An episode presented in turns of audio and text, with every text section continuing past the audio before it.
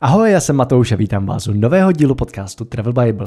Spovídám v něm české a slovenské cestovatele, aby se podělili o svoje zážitky, zkušenosti i praktické typy. Mými dnešními hosty jsou Patricia Rabicová a Tom Jurka, dva cestovatelé, které na druhém konci světa svedla dohromady buď pořádná náhoda, nebo spíš obrovské štěstí a asi i osud. V podcastu jsme mluvili o jejich cestách v době covidu, mimo jiné 8 měsících v subsaharské Africe nebo o dobrovolnickém projektu na Sumatře. Hodně jsme se věnovali tématu pomoci na cestách a řešili, jak zjistit, kdy doopravdy pomáhám a kdy místním komunitám spíš nevědomky škodím. Bavili jsme se i o psaní knihy Cesta dvou a jejímu vydávání ze zaplivaných pokojů v Africe, o zážitcích z opravdu divoké přírody i o tom, jaký vliv může mít cestování na vztah. Těšte se na krásný díl plný motivace zas někam vyrazit.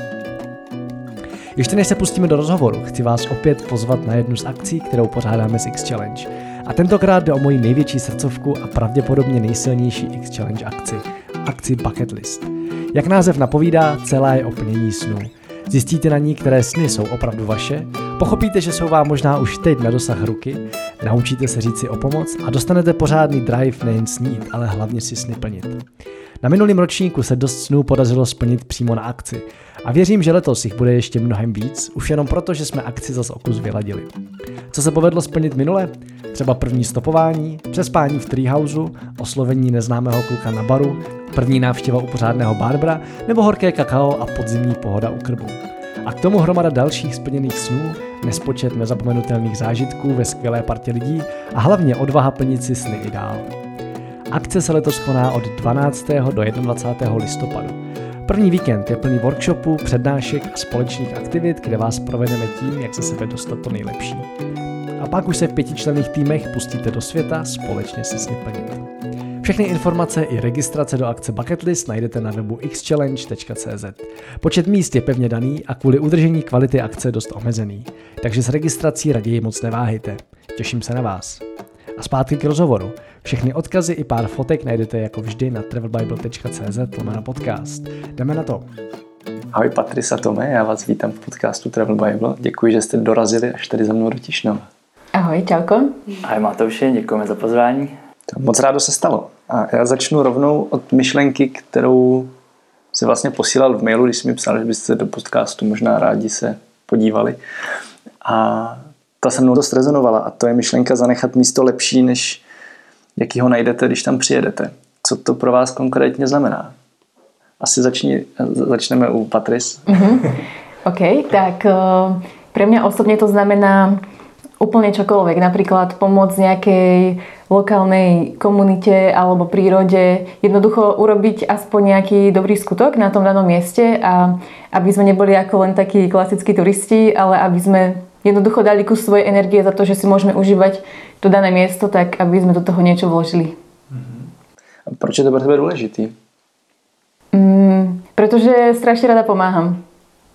To je úplne to, čo vlastne som robila od malička, rada pomáham, tak chcela by som pomôcť aj tam vlastne, kde som. Pretože keďže cestujem, tak e, nepomáham na Slovensku väčšinou, lebo som väčšinou stále vo svete, tak aspoň tam, kde som, kde sa práve nachádzam. Já bych řekl, že já se hodně zajímám o planetu a stejně jako Patris o environmentální problémy, kterým teďka řešíme jako společnost. A myslím si, že to cestování je dost uh, na hraně, že někdy to může škodit, někdy, nebo ono je taky složitější téma, ale já bych prostě rád, aby když se nám dostalo toho privilegia, že můžeme ty země poznávat a ukazovat ostatním lidem, tak aby jsme tu naší stopu ať už to je uhlíková nebo jiná, aby jsme to vykompenzovali nějakým dobrým skutkem pro tu planetu, což obnáší lidi, zvířata, prostě ekosystém celkově. Takže vždycky se snaží tam něco najít, a, jak Patrik říkala, komunita nebo i třeba nějaký individuální problém nějakého člověka ve vesnici, tak mu pomoct, protože on zase bude to pomoct šířit dál a takhle se to bude šířit, doufejme, i mezi třeba ty zvířata a přírodu a podobně. Myslím, že se k tomu dostaneme v konkrétních příkladech z toho, co děláte, a jenom jste mi slíbili romantickou story. a já mám takový pocit, že už jsme podcastu dlouho romantickou story neměli, tak pojď, pojďme tady s tím. A já teď přemýšlím, jestli je vždycky jako lepší ten první pohled muže anebo první pohled ženy. A myslím, že muže, protože ten, to, to bývá vtipnější. a tak romantická story začala No ono už to začalo na Slovensku, kdy Patrice řešila nějaké své problémy, ale to bude popisovat ona. Já jsem letěl do Tajska za neúplně konkrétním účelem, nebo trénovat tajský box, ale to jsem viděl, že nebude na celou dobu. A pak bych jenom stručně řekl, že určitý události vedly k tomu, abych byl v daný čas na daném místě v jedné zapadlý restauraci v Tajsku. A tam jsem uviděl Patrice. Já jsem teda viděl už eh, několikrát předtím, když projela na kole. A tak jsem na ní koukal a říkal jsem si, to je fakt pěkná holka, to by bylo fajn třeba oslovit. A jednou stála s kolem u cesty a já jsem běžel, byl jsem běhat a běžel jsem kolem ní a říkám si v duchu, ty musím ji oslovit, musím říct něco inteligentního. A tak jsem se k ní dostal a anglicky jsem řekl, ahoj, máš pěkný kolo. a ona se úplně tak vyděsila, protože koukala do mapy a anglicky odpověděla, oh, děkuju. A já jsem běžel dál. A hned, a hned bych jsem si řekl, že to si nemohu říct nic prostě horšího. A slíbil jsem si, že jestli ještě někdy uvidím, tak prostě ji musím oslovit nějak rozumně a dát se s ní do řeči. A den na to, na základě právě z těch událostí jsem stával brzo a šel jsem do té zapadlé restaurace a tam seděla. No a, a mluvila zrovna se svojí mámou, měla rozhovor, vlastně mluvila slovensky a vylevala si tam srdce, to taky se k tomu dostane jistě ona a nevěděla, že já ji rozumím. Takže já jsem tam tak seděl a hodinu to asi trvalo, že jo? Mm-hmm. Já jsem tak seděl a celou dobu jsem vymýšlel, co za dobrou první větu říct. Potom, co ona skončí. A nejhorší postup, který chlap může použít, příliš přemýšlet o tom, co by měl říct. Ano, ano. No a pak jsem pak za ní vypadlo, tenhle jazyk už jsem dlouho neslyšel. A takhle to začalo, začali jsme se bavit a tři dny vlastně jsme tak nějak strávili v Tajsku konverzacema a dělali jsme si oheň na pláži, ale bylo to takový fakt přátelský fyzicky, ale uh, hodně, hodně jsme věděli, že jsme, že jsme si neskutečně sedli. No a potom, tam to je opravdu dlouhý příběh, tak já to zkrátím. Pak jsem za Patry spontánně, změnil jsem všechny plány, odletěl jsem do západní Papuji, což pro mě byl vždycky takový konec světa, vlastně Papua Nová Gvina. No a tam jsme trávili dva týdny v, ve slavněný chatrči, opuštěný úplně sami na jedné postele jsme spali a najednou jsme se tam měli nějak zbližovat a bylo to zajímavé. Byli jsme oba taky ještě, myslím si, psychicky rozladěný. Mm-hmm. Nicméně ten romantický příběh pak teda pokračuje, že trávíme spolu nějaký čas v Malajzi a hlavně na dobrovolnickém programu na Sumatře, kde my jsme vlastně přeskákali všechny nějaký vztahy, to už jsme byli ve vztahu, všechny takové schůdky, kdy chodíš do kina, kdy chodíš na rande, do restaurace, dáváš kytky, tak my v téhle době, když tohle normální páry dělají, tak my jsme byli v pralese, sundávali jsme si z těla pijavice, koupali jsme se, chodili jsme na záchod a koupali jsme se v řece prostě a bylo to hodně, hodně divoký. tak to byl takový úvod za mě. Jaký je pohled ženy. no. Ja som, než som vyrazila do toho Tajska, tak ja som predtým cestovala so svojím bývalým snúbencom. Takže akurát ten vzťah nefungoval a zistila som, že obaja chceme niečo iné a ja som, on sa chcel usadiť a ja som proste potrebovala ísť do sveta a mala som fakt veľké depky a aj som rozmýšľala nad tým najhorším. Jednu, jeden moment nad samou vraždou, pritom ja milujem život, takže to vôbec mi nejak nedávalo zmysel a som aj hľadala odbornú pomoc a ozvala som sa trom psychologom a ani jeden mi z nich neodpísal. Tak už že čo to mám za problém, keď mi ani proste oni akože nejak nechcú pomôcť, alebo čo. No a, ale našťastie som našla pomoc a začala som na sebe pracovať intenzívne s jednou úžasnou holkou. A rozhodla som, sa, rozhodla som sa, že pôjdem do Tajska sama a ešte som nejak bola zasnúbená a zrazu a hovorím si, že proste nemala som tiež nejaký zámer, iba som chcela nejak pomáhať, lebo to ma naplňa a ja som potrebovala vtedy niečo, čo ma bude naplňať, aby som si nejakú chuť do života opäť vrátila. No a chvíľku potom som stretla Toma. A ja som v tom Tajsku bola v takej chatrči s hadmi, so žabami, proste s ropuchami, bolo to tam ako fakt také lokálne, ale bolo to super, lebo to ja milujem. A, ale tak mi chýbala trošku spoločnosť nejakých ľudí a vravím si, že bolo by super stretnúť niekoho, takého zaujímavého nejakého cestovateľa a zrovna keď to Mino ma oslovil, že mám pekný bike, tak ja si že mm, tak napríklad jeho by som mohla a išla som ďalej. To som si iba tak pomyslela, hlavne tú myšlenku a šla som potom ďalej a keď sa potom prihovoril a vypočul si ten môj výlev, čo som po dlhej dobe komunikovala s mojou mamčou a fakt som hovorila extrémne osobné veci, ktoré by som absolútne nechcela, aby niekto vedel. A fakt to bolo pre mňa len vôbec ťažké povedať mojej mame, vieš, ako a ja som sa, sa tak červenať, ako to bol úplný extrém. Ja som nevedela, či sa mám smiať, plakať, alebo mám zabiť, že nič nepovedal. Ale našťastie z toho potom vysvetlo to, že ja rozprávam fakt veľmi rýchlo a on mi skoro vôbec nerozumel. Ano, ty slovenč, a v té době jsem slovenčinu ještě úplně navládal. No, takže, takže, takže vlastne tak toto začalo. Ale vlastne tiež na tom mieste, aj v tej reštaurácii som sa ocitla tiež z rôznych zaujímavých udalostí, pretože to minulо predtým na severe Tajska a ja som si požiadala a ja som poslala žiadosti do rôznych dobrovoľníckých organizácií práve na sever Tajska, ale tam ma, nedostali, tam ma nezobrali, tak som sa nakoniec ocitla tam, kde sme sa stretli. Takže to bolo to zaujímavé. A jaký byl pak za tebe ten pohled na ten začátek, jakože vlastně jako začátek už toho vztahu, to, co tady padlo. A klidně se můžeme dostat i víc k tomu mm. dobrovolnictví na Sumatře, tak mm. jako dobrý oslý můstek. No, ja, ja, ja som samozrejme už tedy ten vzťah ukončila, čo som mala predtým a bola som extrémne nevyrovnaná a bola, ovládala, ovládali ma rôzne, by som bola také nejaké strachy a nejaké také negatívne vzorce, takže to bolo také, že sme sa aj oťukávali, ale ja som extrémne to Minovi nedôverovala. A... Lebo vieš, to je najlepšie. My sme sa stretli a tie prvé 3 dní v tom Tajsku sme sa rozprávali a my sme si mysleli, že sa už asi nejak nikdy neuvidíme, takže sme si všetko hovorili maximálne úprimne. A ja v tom momente si vravím, že v živote nikdy takéhoto fréra by som nechcela, čo on robil svojim bývalkám, ako proste od nich utekal a neviem čo. Takže si vravím, že nikdy v živote proste, že toto je úplne nesputaný, nespolahlivý človek. ale zároveň ma niečo k nemu priťahovalo vyhovelo, vieš, to je na tomto najlepšie. Takže ja som, s tým, ja som s tým veľmi dlho bojovala, ale ako fakt veľmi dlho, lebo ja sa človeku len tak neotvorím, takže, takže boli tam, samozrejme zažívali sme počas toho programu ako úplne nádherné romantické momenty, ale do toho tá moja mysel mi stále ponúkala rôzne myšlienky plné strachu a ja som aj uvažovala, že keď sme, keď sme skončili ten program, že proste sa zbalím a odídem. A nechtěla jsem... Ty si přece už i v té papuje, v té chatrči si tě napadlo občas, že by si no. v noci zmizela a... No, tak to sa moc nedalo odtiaľ. Ale ako, ja som proste nebola absolútne pripravená na vzťah. Ja som si, keď som sa tedy rozišla a to mi vydalo asi takú nádej, že OK, vlastne ten priateľ, ktorého som tedy mala, tak to nie je jediný chlap na zemi a sú tu hodnejší ľudia pre mňa. Ale vôbec som jednoducho, bola som dosť taká zranená z toho vzťahu, takže o, som si vravila, že chlapa ani náhodou, ale nejako to sa stalo, ale jsem za to extrémně vďačná. no a... Ještě zajímá, co jsi jako říkala, nebo jak vůbec proběhlo to, že za tebou přiletěl na tu papu. Mm. Víš, to je takový jako, že borec, který ho znám, prostě tři dny jsme se viděli v Tajsku a on tady za mnou má jako přiletět spát se mnou ve slaměný chýši.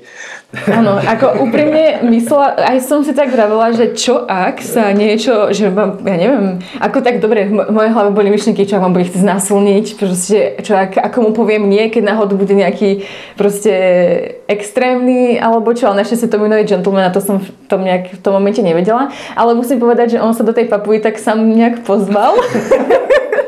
ale celkom, ja, ako, ja som tam mala super čas s miestnymi, brali ma na výlety, ale také úplne lokálne miesta, tak to tam bolo super, ale fakt niečo ma k tomu, to mi ťahalo, takže keď navrhol, že by prišiel, tak ja som bola úplne rada, a, ale akože asi nejak tak, že mala som trošku obavy, ale to dobrodružstvo to chcelo vyskúšať.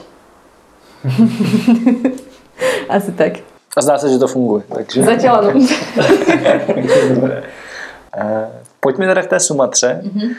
kde jste říkali, že jste byli vlastně v pralese celou dobu a že jste tam dobrovolničili, tak mě vlastně zajímá, možná pojďme teď jako k té praktické věci, jakým způsobem jste ten projekt vybírali, jestli už jste to řešili spolu, nebo jestli jste to vlastně mhm. měla ty a ty jsi tam pořád ještě tak jako jenom připozval. a jakože vlastně podle čeho takhle ty projekty vybírat mm-hmm. a na co třeba dávat pozor, protože vím, že spousta lidí tohle jako řeší, že by vlastně chtěli takhle někam jít pomáhat, ale jakoby neví, co se tam vlastně bude dít, že Ty jedeš jako na druhý mm-hmm. konec světa do oblasti, která fakt jako je hodně chudá, hodně jako jiná oproti nám, nikoho tam neznáš a, a je to, jako dovedu si představit, že to je těžký, i když už máš něco nacestováno, že to přece jenom je zase trošku jako jiný level. Tak uh, za mňa, uh, ja som tento dobrovoľnícky program už o ňom vedela dávno, ale vtedy by som povedala, že to moje ego a to nastavenie mysle bolo také, že na čo mám ísť niekde a ešte za to platiť a budem pomáhať. Takže vtedy som na to vôbec nebola pripravená a myslela som nie asi takým správnym spôsobom. Ale čo je zaujímavé, tak na autogramiade ešte s tým bývalým partnerom, tam prišla jedna holka, že nás strašne sleduje a že ona tam ide. A ja v tom momente som úplne pocitila, že ona, že či nie je náhodou s ňou a už som mala tie problémy v tom vzťahu, už tú depku a tak, tak ja úplne si vravím, že idem. A vlastne behom po cesty, ako sme šli z Bratislavy domov, tak som to s ním prebrala v aute, že či, ma, či akože to bude v pohode, keď ako... Ale našťastie bol rád, že vypadnem, takže... takže ja som sa takto rozhodla. Jednoducho ma to tam ťahalo a malo to tak byť. Ty si to mal trošku jinak, to můžeš povedať? No já jsem říct, že to bylo taky součást romantického příběhu a znamení, protože já jsem byl v tom Tajsku a kamarád se mi zmínil o tom dobrovolnickém programu, poslal mi to a já, já jsem na to kouknul a říkal jsem si, hm, to vypadá zajímavé. A já jsem se teda, byl jsem celkem pro, protože jsem tomu cestování chtěl dát trošku větší smysl. A nejenom, dejme tomu, být na Bali, surfovat a tak nějak se tam plácat ze dne na den, OK, poznávat lidi je super, ale chtěl jsem dát ještě větší smysl a zase i té přírodě nějak pomoct. Tak jsem si říkal, no to by bylo fajn, dobrovolnický program, něčemu pomůžu. A akorát ten termín mi tam bohužel neseděl. Ten, který uh, byl volný. No a asi tři nebo čtyři dny potom, co mi to poslal, tak uh, jsem potkal Patris a ona se o tom dobrovolnickém programu zmínila úplně jenom tak lehce řekla, no já pak jedu na Sumatru a já úplně najednou mozek začal šrotat a říkám, to je znamení. teď, teď určitě řekne prale s dětem. A říkal, no s nějakou českou organizací prale s dětem a já... A teď ještě řekla ten termín, o kterém já jsem uvažoval, že se mi tam moc nehodí. A já jsem, jenom, já jsem ti řekl vlastně v restauraci, že je to znamení, ale ještě jsem ti neřekl, co přesně. A potom o pár hodin později už jsem mi nastínil, jako o co se jedná, řekl jsem mi tu historii toho, že jsem nad tím uvažoval a tak dále. A vlastně ten den, co jsme se poznali, já jsem vzal notebook a napsal jsem, když jsem viděl, že tam Patrice jde a že je to znamení, napsal jsem organizaci, jestli náhodou nemají ještě místo. Oni napsali, že mají, ale no, oni mi vlastně od, oni mi oni odpověděli, když už jsme spolu nebyli, že mají místo. Takže my jsme se loučili s tím, že se možná už nikdy neuvidíme. Pak mi potvrdili, že můžu jet, tak jsem mi poslal nějakou zálohu a já jsem byl hrozně nadšený a musím teda říct, že ten a, smysl se trošku změnil v to, že jsem byl hrozně rád, že tam budu s Patris. A už jsem až tak moc neuvažoval na tou Sumatru, říkal jsem, co to bude super, tam zažijem dobrodružství a podobně. To byl, to byl můj příběh. Ale víš, jak, jak se rozhodovat, uh, těžko říct. My oba to máme skôr tak, že počúvať tú intuíciu mm. a vlastne kam to toho človeka ťaha a, a vlastne možno sa rozhodovať na základe toho, či má z toho dobrý pocit alebo zlý, pretože samozrejme je toho veľa. Ale myslím si, že tento dobrovoľnícky program nebol nejak cenovo nedostupný ľuďom. Práve keď sa napríklad pozrieme na dobrovoľnícke programy v Afrike, tak to sú fakt pálky, na ktoré akože nemá moc bežný človek financie. A tento program podľa mňa je vlastne v cene nejakého, nejakej týždňovej, dvojtýždňovej dovolenky v nejakom rezorte. Takže Mm, myslím si, že to rozhodne stojí za to skúsiť a my sme veľa dobrovoľníckých, vlastne my sme boli iba na jednom dobrovoľníckom programe, ale my sa snažíme tú pomoc aj vlastne vyhľadávať a vlastne aj my si organizujeme nejakú takú svoju vlastnú činnosť, kedy sa snažíme spojiť so školami a so škôlkami, po, vlastne kde cestujeme, napríklad tie papuji sme učili angličtinu, alebo na Zanzibare sme decka zobrali a vlastne sme s nimi vyzbrali dedinu, pláže a a vlastne snažíme sa to robiť aj sami, takže ak človek chce pomáhať, tak podľa mňa nemusí, ak, nemusí znieť na ten dobrovoľnícky program, ale a vlastne člověk může pomáhat každý den kdekoľvek, keď jsme pri tom. Jasně, což ale mhm. vlastně jako vnímám, že může být ještě o to těžší, protože vlastně nevíš, jako, jo, že zase, pokud už má člověk něco za sebou, mm-hmm. má něco mm-hmm. nacestováno a, a třeba už má nějaký dobrovolnický program, program za sebou, tak už trošku jako ví, jo, ale vnímám, že člověk, který takhle jako chce začít, mm-hmm. tak mhm. vlastně pro něj ten dobrovolnický program může být úplně super. Mm-hmm. A, a proto jsem se na to ptal. Mm-hmm. Tak určite tento prelezeťom je super, pretože sú tam česky hovoriaci mm, velitelia, alebo ako to poviem, a vlastne ma tam zazrieme, že tam bude s tými Čechmi, pretože tie zahraničné, tak tam väčšinou sú anglicky hovoriaci ľudia a ľudia z celého sveta, čo môže byť pre ľudí dosť šok zo začiatku. Takže tento by som odporúčila a je to super dobro, dobrodružstvo, kde človek zažije brutálny výstup z komfortu. A ja musím povedať, že za mňa ten dobrovoľnícky program, ja som, akože vždy ma zaujímala tá planeta, ale nikdy nie až tak a vôbec nemôžem povedať, že som nejaká 100% vegánka, alebo čo to, proste som nedokonalý človek, ktorý robí chyby, ale myslím, na, vedome sa snažím rozhodovať, eh, aby som čo najlepšie robila pre tú planetu, ale až tam, keď som bola v tých zúfalých situáciách, keď sme zbierali tie plasty z pláže a, a tam je 35 stupňov, brutálna vlhkosť, si unavený, dehydrovaný, spálený a už si proste naštvaný, že zbieraš po nejakých ľuďoch proste tie jednorazové indopoháre, vieš, Indonézii, také plastové a až tedy, keď som si prešla týmto celým programom, lebo my sme boli vlastne dva týždne eh, v pralese a dva týždne na takom opustenom ostrove v Indickom oceáne. Ono to bolo z dvoch častí spojené, takže to trvalo cca mesiac. A až táto extrémna skúsenosť mňa viac eh, prinútila rozmýšľať nad tou prírodou, nad tými mojimi rozhodnutiami a začala som to šíriť ďalej na tom Instagrame medzi tých ľudí, takže pre mňa to bola veľmi dôležitá vec v živote, aby som si vytvorila väčší vzťah eh, ochraňovaní tej prírody. Já bych ještě jenom dodal, že právě ten dobrovolnický program je dobrý vstup pro toho člověka, právě jak si říkal, když náhodou neví jak, tak ty si víceméně jenom koupíš letenku, ten program a oni už tě tam do toho tak představí. A je úžasná výhoda v uvozovkách, že ty uvidíš právě, jak Patrice říkala, ty pláže a jako znečištěný a vykácený pralesy. Opravdu my jsme jeli přes Sumatru 14 hodin autem a neviděli jsme nic jiného než palmu olejnou.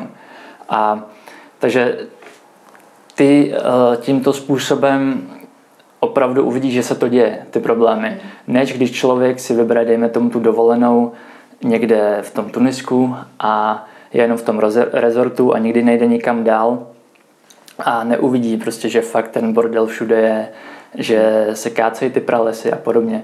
Takže myslím si, že člověk, který má strach někam vycestovat, tak tenhle strach se hodně zmírní s tím, že víš, že se o tebe někdo postará. Ale ty získáš ty výhody toho, že jsi v té cizí zemi, třetího světa a ještě uděláš něco dobrého pro tu planetu. A fakt se veľa dozvěděš o té problematiky. Ano. Což mi přijde hodně důležitý. Mm-hmm, je to právě věc, kterou jako hodně řeší naše kolegyně Pavla, která žije v Indonésii a ona právě jako hodně řeší to, že spousta lidí má tu, tady tu jako potřebu pomáhat, ale tím, že neví, mm-hmm. tak vlastně ve výsledku můžou docela dost uškodit, anebo vlastně jako je to úplně vyhozená energie, protože ka- každý místo má nějakou svoji potřebu a je, je přece jenom potřeba trošku se jako na to nacítit a bavit se třeba s lidmi, kteří už tam nějaký projekt mají, mm-hmm. protože ty to místo znají, takže jako proto mi to přijde super. My jsme, musím povedať, vůbec není v tom 100% a tiež jsme, například keď jsme přišli do Afriky, tak eh, to by som asi nechala niečo ty s tými hračkami, ale tiež eh, často vlastne uvažujeme a fakt dávame veľa energie do toho, že vlastne čo je dobrá pomoc pre to miesto, pretože zbierať plasty eh, na pláži nemusí byť, ako ja tam vidím, že ten problém je o mnoho komplexnejší ale napríklad aj v tej Afrike sme sa také trošku zastavili, pretože sme zistili, že tá naša pomoc, ktorú my tam vlastne chceme dať, nie je až taká správna. Takže je to veľmi náročné a snažím sa pýtať, zisťovať, ale ešte stále by sme povedali, že na to nemám urobený úplne 100% názor. Že ako napríklad pomáhať tam v tej Afrike, pretože to bolo veľmi náročné a No tak obecně ta pomoc Africe, nebo tak na začátku bych řekl, že Afrika kontinent je hrozně je, je hrozně hloupý říct Afrika. Sám víš, že Afrika není prostě jedno místo, je to, nedá se to charakterizovat jako Afrika, to je úplně rozlohlý kontinent a každá země je jiná. Nicméně v těch zemích, kde jsme my byli, což byla Tanzánie, Zambie, Botswana, tak uh, to probíhalo. Takže my jsme tam vlastně přijeli s nulovou představou o tom, jak skutečně to tam vypadá. My jsme Patrice vyzbírala od lidí na Instagramu spoustu hraček, které už nepotřebovali a to jsme vlastně táhli přes Kanárské ostrovy, Etiopii na Zanzibar. A chtěli jsme to tam rozdat dětem, prostě udělat jim nějakou radost. No, že zjistili jsme, že na Zanzibaru děti už jsou trošku ovlivněny tím turismem a chtějí po tobě peníze. Prostě to nebylo dítě, zvlášť těch trošku turističtějších místech, který by po tebe neře, ne, ne, na tebe nedal ruku a neřekl dej mi peníze, prostě dej mi dolar, dej mi čokoládu a tak. Takže tam jsme tak trošku narazili a potom i v Tanzánii už byl opravdu problém, jako se ty, ty, ty hračky rozdat rozumně. Takže no, našli jsme, s hračkama to dopadlo tak, že jsme našli dětský domov, kde byly opravdu super děti, úžasně vychovaný a ještě, jak Patry zmiňovala, tak jsme v trošku lokální vesnici na Zanzibaru vyzbírali dětma vesnici od odpadků pláž a oni za odměnu potom dostali hračky a nějaké ještě sečety, co tam mm. holky dovezly. No a s tou pomocí právě jsme si o tom hodně zjišťovali a je pomoc a pomoc určitě. A tam jsem na to já osobně přišel, že samozřejmě jakmile tam rozjetý projekt, a jsou tam, dejme tomu, lidi ze západu tam přijeli, aby lidem pomohli rozběhnout nějaký biznis nebo nějaký hospodářství a podobně, tak je určitě super je v tom podporovat a podobně. To je podle mě dobrá pomoc.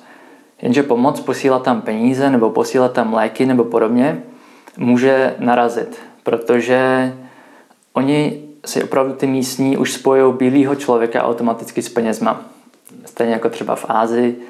A už tě, už tě fakt neberou jinak a využijou každý příležitosti, aby z tebe ty peníze dostali. Takže dávají ti jiné ceny na trhu, dávají ti jiné ceny při dopravě. Tak to je ale všade, jako keď cestuje člověk většinou. Akože nie je to len v Afrike. Dobře. A s tou pomocí my jsme právě narazili hrozně psychologicky, protože my rádi pomáháme, jenže opravdu je to pomoc, když tomu člověku na ulici dáš stovku, dejme tomu, nebo tak.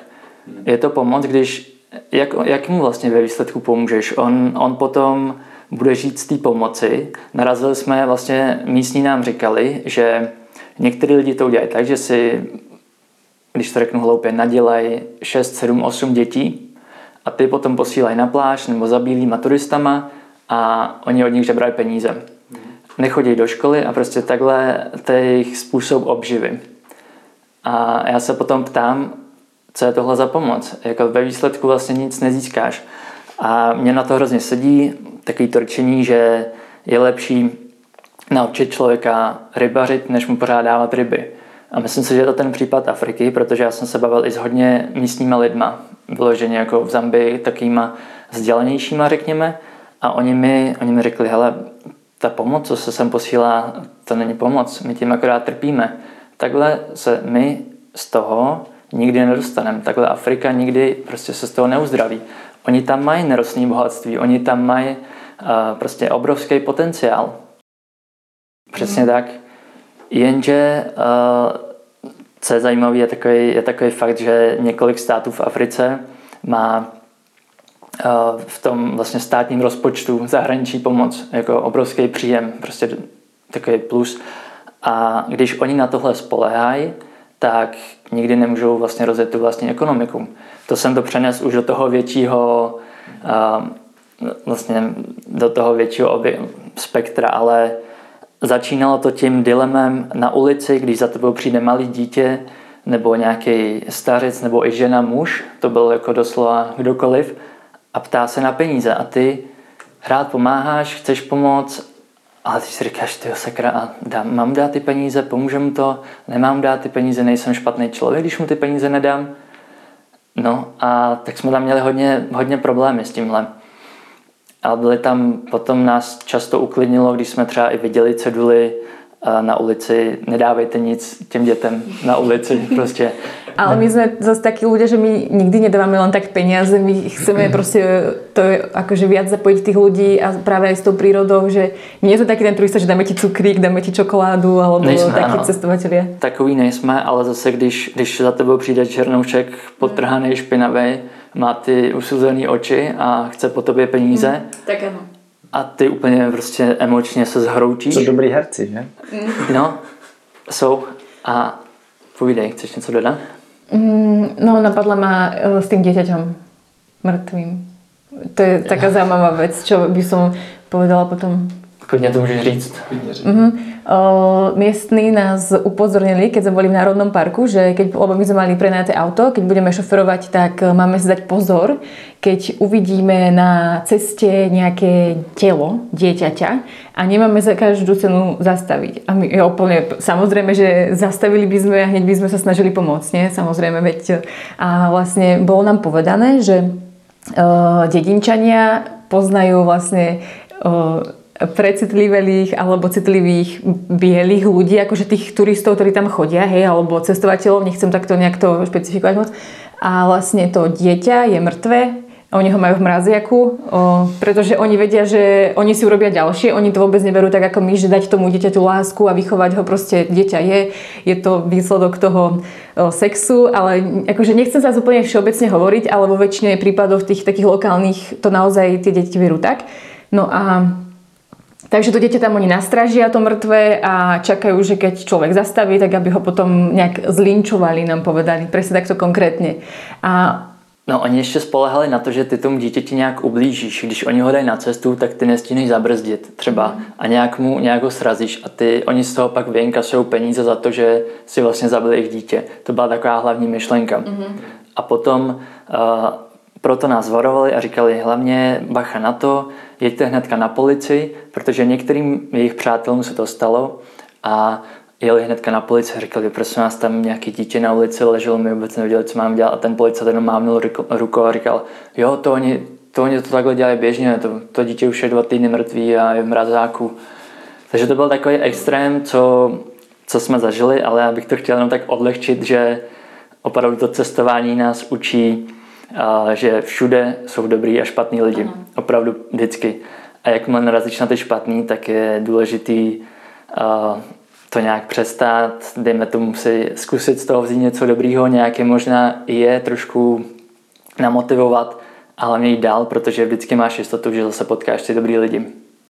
Za mě ještě jenom jako velká otázka, jestli vlastně to je jakoby, že to jsou špatní lidi, protože jenom tomu napadá to, to jak se tady říká, mě napadá jako krásný příklad, který ukazuje jako šíři těch souvislostí a to jsou siročince, které se objevují ať už v Africe nebo třeba v Kambodži, jich je docela hodně, kam si prostě ten majitel vlastně pronajímá děti, které vůbec nejsou sirotci, protože třeba v Ázii vlastně dítě téměř jako nemůže být sirotek. Tím, jak tam jsou ty široké rodiny, které spolu hodně jako jsou, tak pokud prostě dítěti umřou rodiče, tak se o ně vždycky někdo postará. Jo. Šance, že to fakt je sirotek, je prostě minimální. No jenom, že oni vědí, že lidi prostě si na, na, na sirotky rádi dávají peníze, že jo, nebo prostě tam jako vozí věci a tak. Takže ten siročinec je prostě jako tvrdý biznis a může živit docela jako velkou část vesnice ve výsledku. A za mě je otázka, jestli ten člověk, který s tím přišel, je špatný člověk. Jo, já si to nemyslím. Já si myslím, že to je prostě jenom podnikatel, který dobře využívá příležitosti a, a, a jakoby naivity těch míst, těch turistů nebo těch lidí prostě tady od nás z západu. A v podstatě je spíš jako na nás si najít tu souvislost a, a tady těm lidem jako úplně nenahrávat. Asi to nebude jako úplně nejlepší člověk, ale vlastně bych jako neříkal, že je zlej.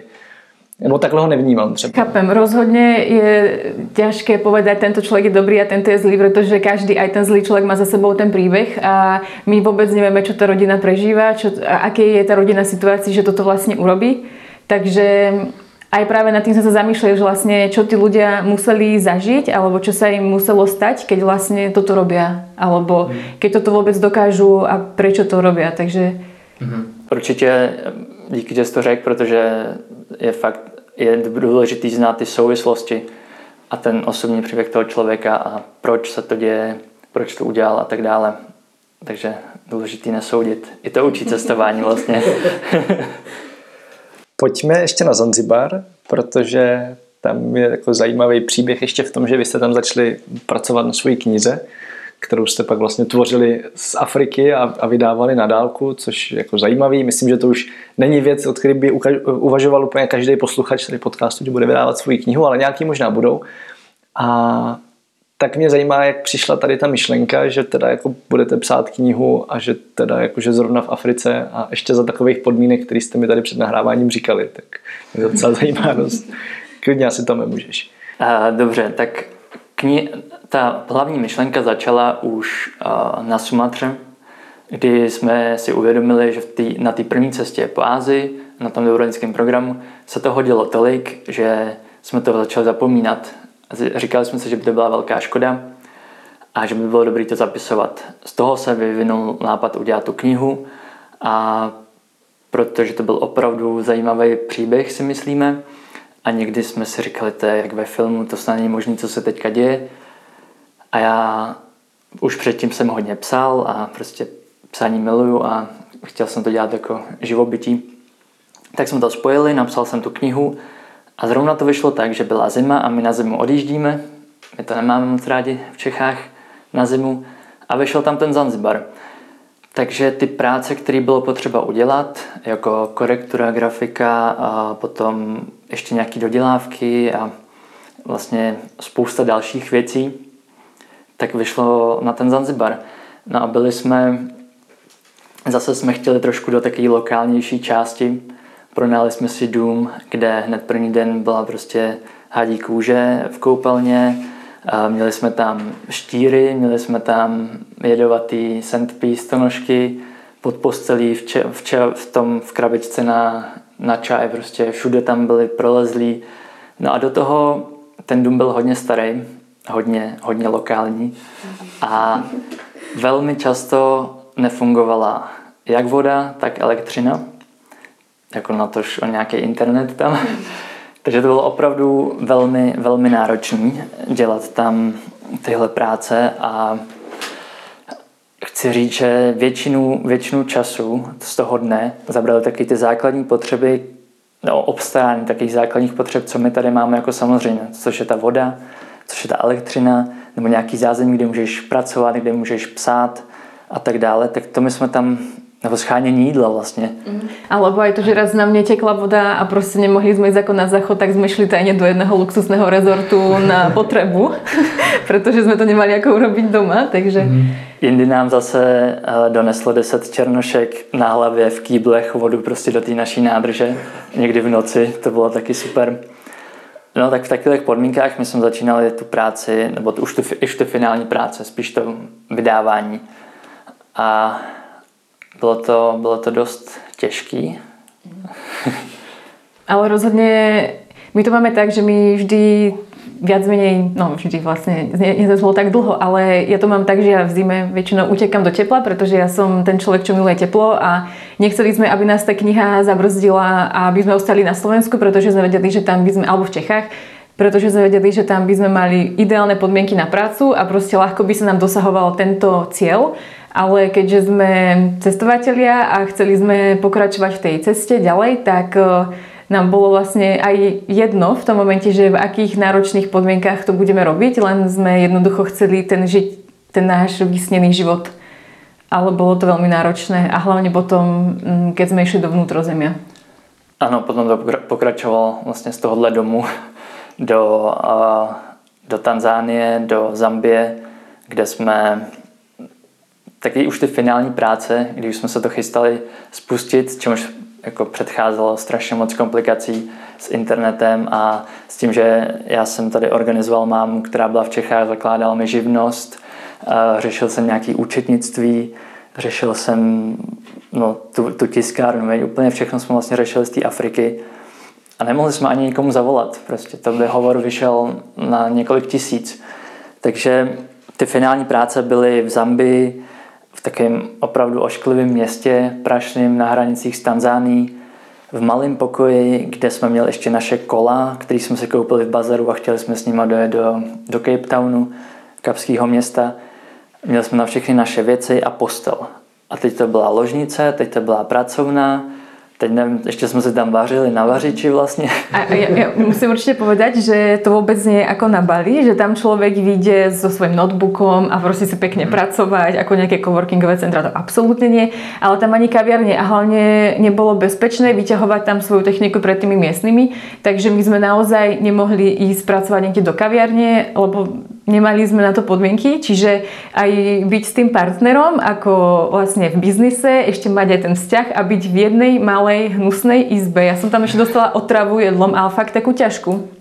Takže proste bolo to dosť uh, psychicky náročné to dať a vlastne my sme tam, ja som riešila marketing, riešila som web, uh, trailer sme si natáčali a tvorili sami. Vlastne všetko sme, čo sa dalo, sme robili sami a bolo to veľmi náročné a sama sa čudujem teraz, že, ako, že vôbec sme to zvládli.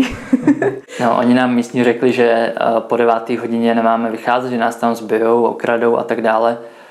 A tak to byla pravda, tam nebyl jediný turista, jako tam vůbec, mm. to byli místní a když jsme někde tam šli nebo jeli na kole, tak na nás opravdu koukali, vlastně tam jsme i zašli do školy s jedním místním podívat se a on nám řekl, že ty děti v životě neviděli na vlastní oči bílého člověka.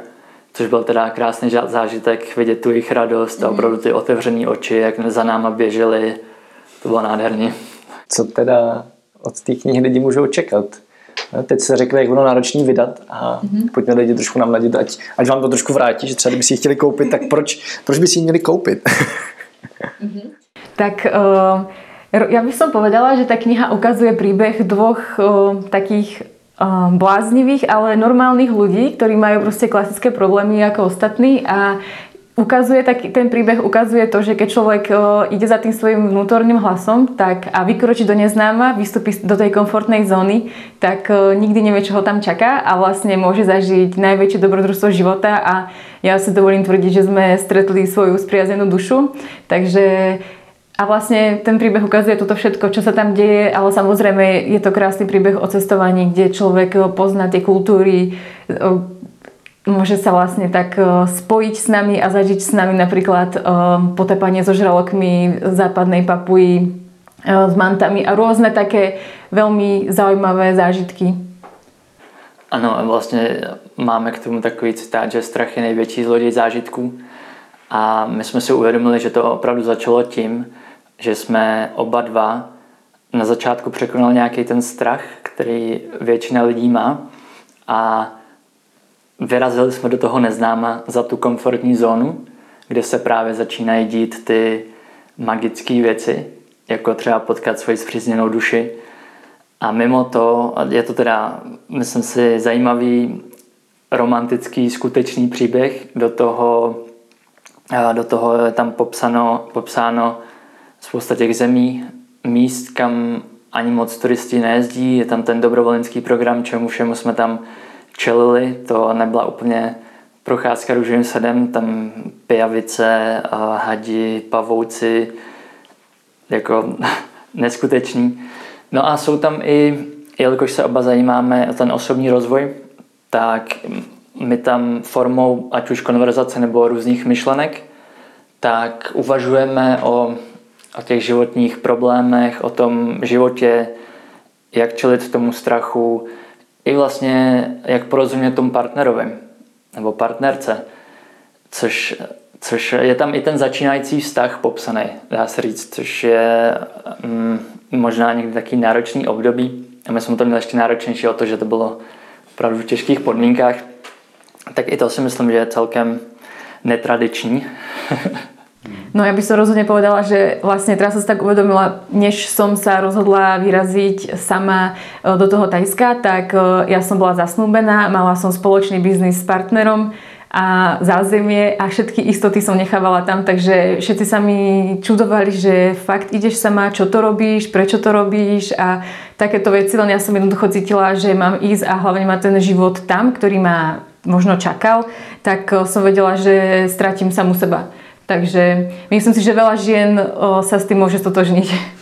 Ano, už jsme obdrželi několik zpráv, opravdu hodně, kde nám, kde nám psali, že to přečetli tu knihu za den, dva a že jim to fakt změnilo život. Že najednou se rozhodli a jeli na nějaký dobrovolnický program nebo prostě skončili v práci, kterou neměli rádi a tak dále, což je pro nás obrovský zadosti učinění. To se tím pádem možná, tam jako mám teď několik cest, kam můžeme jít a Zajímá, zajímá mě tím pádem, co vás vlastně živí, protože to tady několikrát trošku padlo, ale vlastně jsme jako nikdy nebyli konkrétní a vím, že tohle lidi hodně řeší, že prostě slyší, jako, že jo, si tady jako byli kolik měsíců v Africe a někde a tady ještě platili za nějaký dobrovolnický program, ale to já nemůžu, protože něco, něco.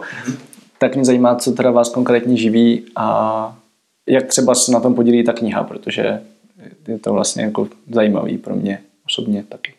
Tak v minulosti, keď som začala cestovať, tak ja som vydávala dve kuchárky. Vlastne živím sa tým, že mám nejaký Instagramový profil, kde je aktuálne nejakých 55 tisíc ľudí a mám fakt veľmi silnú komunitu pretože to je, môj profil je založený na úprimnosti a autenticite, takže vôbec na, na nejakých reklamách alebo tak. Čiže akýkoľvek projekt, do ktorého sa pustím a je v súlade so mnou, tak tí moji fanúšikovia, tá komunita ma podporí.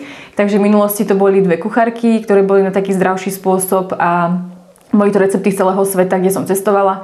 A nedávno pred rokom som vydala taký inšpiratívny zápisník Better Monday, kde sú myšlienky z ciest, ktoré som sa naučila. Takže toto je, bola vlastne časť, na základe ktorej som mohla cestovať a vlastne teraz to je tá kniha a tá kniha vlastne aktuálne, tá nás vlastne aktuálne živí. Aha. Oboch.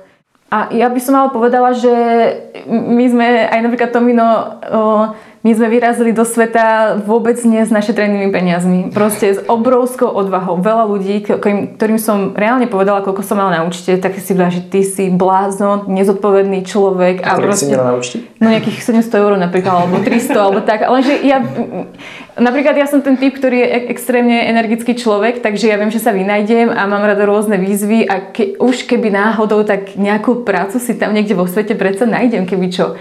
Takže, takže tak. A páči sa mi aj tá tvoja odvaha, keď sme šli na Zanzibar, že vlastne sme ani nevedeli, či tá kniha bude úspešná. Ako ľudia, čo nás na Instagrame, teda čo sledovali ten môj príbeh, tak už hovorili, že chcú knihu, že, že to je ako z filmu, že neveria, že vôbec sa to deje. Takže našťastie oni to všetko sledovali a videli, že sa to dialo. Ale vyrazil si fakt s málom do Afriky, kde tie náklady sú o mnoho vyššie ako v Ázii a vlastne my sme si tam na tom Zanzibare, tam v tej Afrike nejako v Zambii napríklad zarobili na ďalšie dobrodružstva, pretože inak by sme o, neviem čo. No jinak, já nevím, abych se asi vrátil domů, nebo...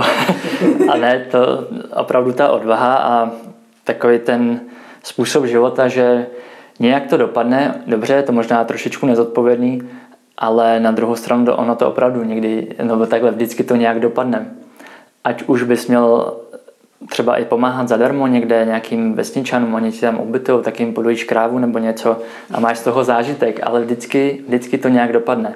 A já jsem teda ještě než jsem letěl do Ázie, kde jsme se s Patry spotkali, tak já jsem žil na Islandu, kde jsem si něco našetřil, ale tam jsem měl úplně na blind. Tam jsem měl s penězma, kterými vystačily na dva týdny protože jsem se vrátil zrovna ze Sri Lanky a moc jsem jich neměl a říkal jsem si, buď si tady najdu práci a ubytování, anebo se vrátím domů, vlastně nemám co ztratit. A s tímhle přístupem jsem tak nějak, nebo přistupuju k životu, že člověk, eh, když něco neskusí, tak to nezíská. Je dobrý zkoušet, mít tu odvahu a vždycky to nějak dopadne. Ale vždy se snažíme dát do těch věcí 100% a urobit pro to maximum. Ano, to je určitě důležité. Jako nemůžeš přeletět někam a doufat, že ti tam najednou někdo nabídne práci a, a že budeš v pohodě. Musíš se fakt snažit. Mm. Ale ta odměna potom za to stojí. Mm. V jedné věc, kterou jste zmiňovali, že vám přijde zajímavá a že vás to hodně naučilo, tak bylo to, že jste v Africe strávili docela dost času v divočině, pod stanem a, nebo v autě, což je věc, která jako docela hodně lidí láká, ale zase prostě spousta lidí do toho nejde, protože se toho bojí a je to třeba jedna z věcí, kde vnímám, že se toho jako bojí oprávněně, protože jsem si podobné věci taky zažil a, a, a tam už fakt jako, tam, tam, si člověk šáhne na to, jakože, jaký to je ztratit tu jistotu toho, že se ráno vzbudím živý. Jo. to si krásně popsal. tak mě zajímá, co vás to naučilo a případně nějaký jako silný zážitek, kde jste si třeba něco uvědomili o sobě nebo o světě. Mě hnedka napadla ta myšlenka, když nás honil slon v Zambii, my jsme teda byli v autě, ale když za tebou běží pěti nebo šestitunový samec, naštvaný, a tak ti to auto asi ani moc nepomůže. No a v tu chvíli jsme si uvědomili, že jsme strašně křehký mm-hmm. jako lidi vůči té přírodě.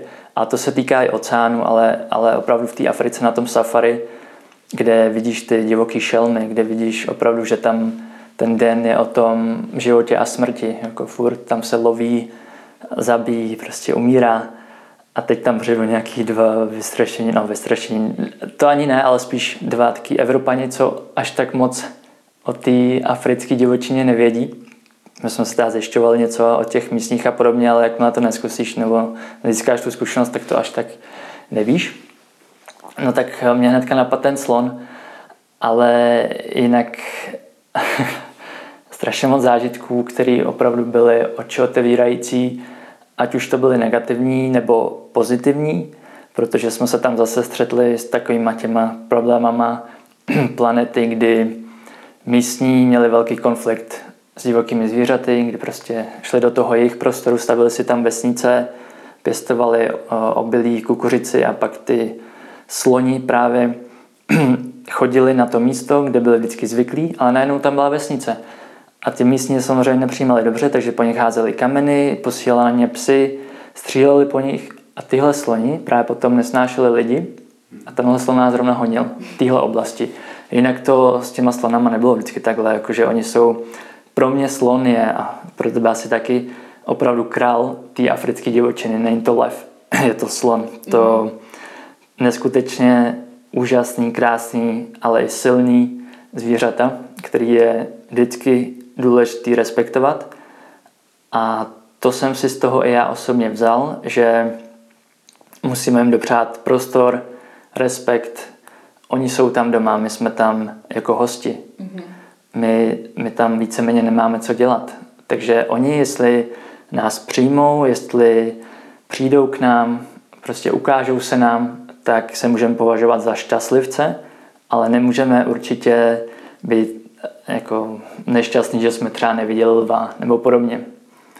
Tak to asi bych z toho takovou myšlenku řekl, že a, ty očekávání, nebo spíš, že člověk nikdy jako vždycky nedostane to, co úplně chce, že je důležité vzít ty faktory a tady je to, tady jsou to ty zvířata, ta divočina a že my tam nemáme co dělat a že když se nám ukážou, tak jsme šťastní a když ne, tak nemůžeme nemůžeme chtít nějaký zázraky prostě. Ale jsme šťastní, keď nás v noci nic, nič nezožralo a počuli jsme například hyeny, alebo... No řekni nějaký konkrétní uh, příběhy, to tak... bylo. Ja neviem, lebo toho bolo každú chvíľku, ale napríklad ráno sme sa zobudili a Mali sme okolo stanu stopy leoparda, obrovské stopy hrocha a ako fakt pár metrov, 2-3 metre hrocha, potom wow. ten slon, ten tam bol predtým O, takisto tam boli wild dogs, vlastne než sme šli na toaletu, čo bolo asi, ja neviem, 100 metrov, 50, neviem to presne popísať. Sme šli tako, my sme už sa do tej živo, divočiny tak vžili, ako musím povedať, že ju rešpektujeme a že sa naozaj o, sme tam žili podľa ich pravidiel, ako tam človek naozaj nemá čo robiť a veľmi riskuje. Ale my sme tam boli dlho a my sme sa dosť naučili aj už čítať rôzne znamenia zvierat, aj nejak tak predvídať, alebo sme sa jednoducho tam už cítili tak doma. času. Ty si chodil na drevo, peši, proste chodili sme na záchod v pohode aj večer, že sme sa tam prešli viac menej, takže akože to sme aj riskovali, ale cítili sme, že to je v poriadku, ale vlastne raz sa nám stalo, Počúvali sme zrovna nejaký podcast, to, um, celkom potichu a mali sme oheň. A všetci nám hovorili samozrejme miestni, že keď budete mať oheň, ste v poriadku, nič sa nestane, všetky zvieratá tomu sa vyhnú. No vôbec to nie je pravda, musím povedať, aspoň nie so slonami. To to mi no zrazu, že vypni to ja, čo si počujem, lebo sme počuli, si počula si nejaké lámanie vetvy alebo mm-hmm. tak však. No a to mi no, vypli, vypli sme to a my sme sedeli okolo toho ohňa a pár metrov od nás, koľko to bolo, asi nech nepreháňam.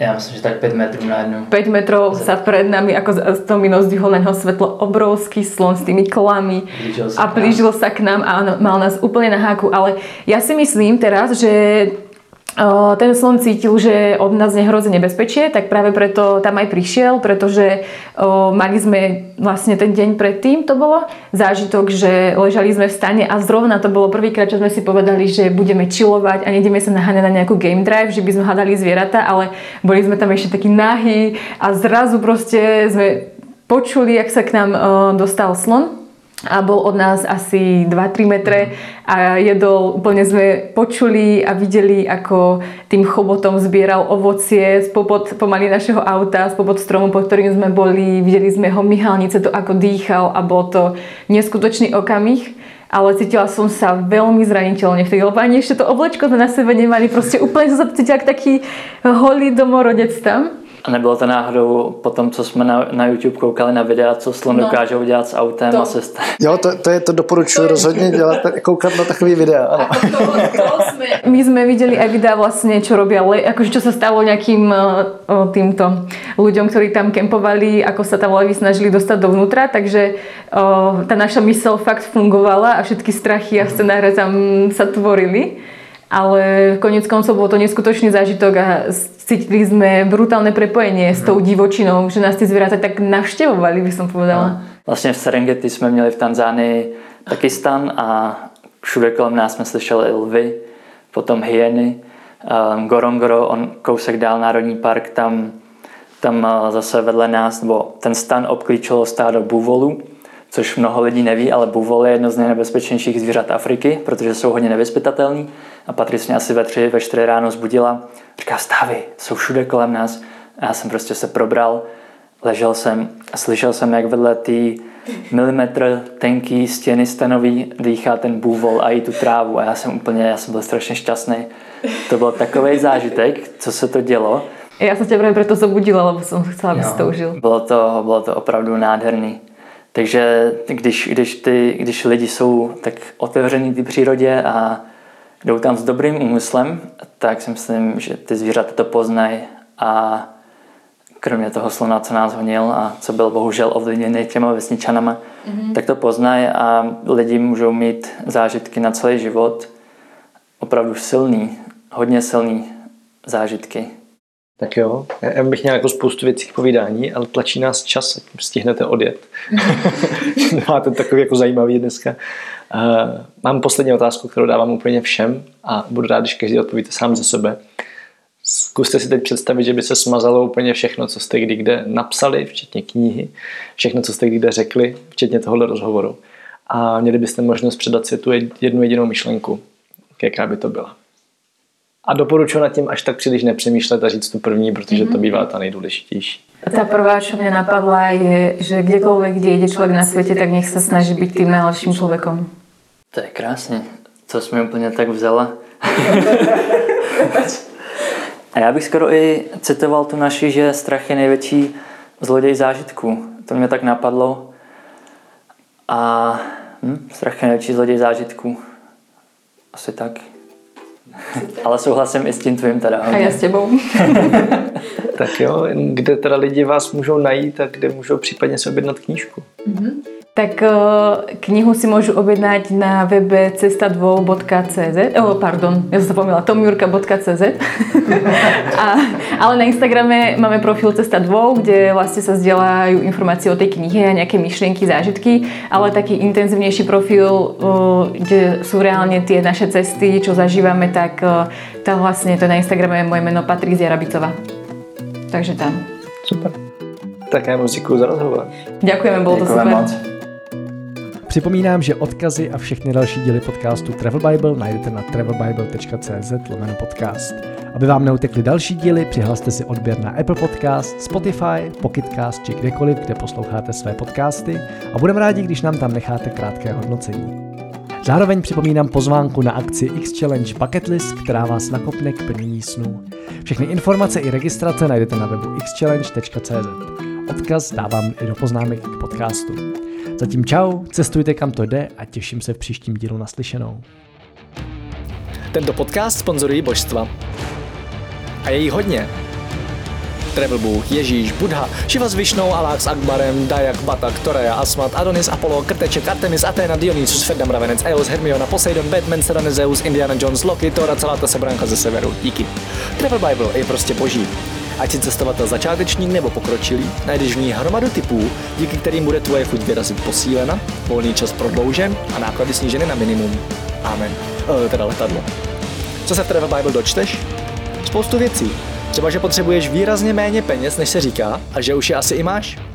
Kde a jak sehnat ty nejlevnější letenky, kde bydlet a jíst, aby peníze na 14 dní pohodlně pokryly víc než měsíc. Jaké uzavřít pojištění, aby se nikdy nedostal do maléru jaký vybrat účet a kartu, abys nemusel za výběry zahraničí platit ani korunu. Zjistíš, jak chytře využít vlastní bydlení, komu svěřit psa, nebo jak uschovat své věci zatímco budeš na cestě. Přesvědčíme tě, že nemusíš hned končit v práci a přesto můžeš cestovat několik měsíců. Uvidíš, že můžeš jet sám a přitom se tak necítit. Naučíš se, jak putovat klidně půl roku s jedním baťohem, nebo jak všechno dostat jen do příručního zavazadla. Ukážeme ti taky, jak a kde si v zahraničí přivydělat, jak psát cestovatelský blog, nebo jak pracovat na dálku. To všechno a ještě mnohem více dočteš v knize. Ještě si tu? Tak šup na travelbible.cz, travelbible.cz a potkáme se na cestách, protože cestování je prostě boží. boží.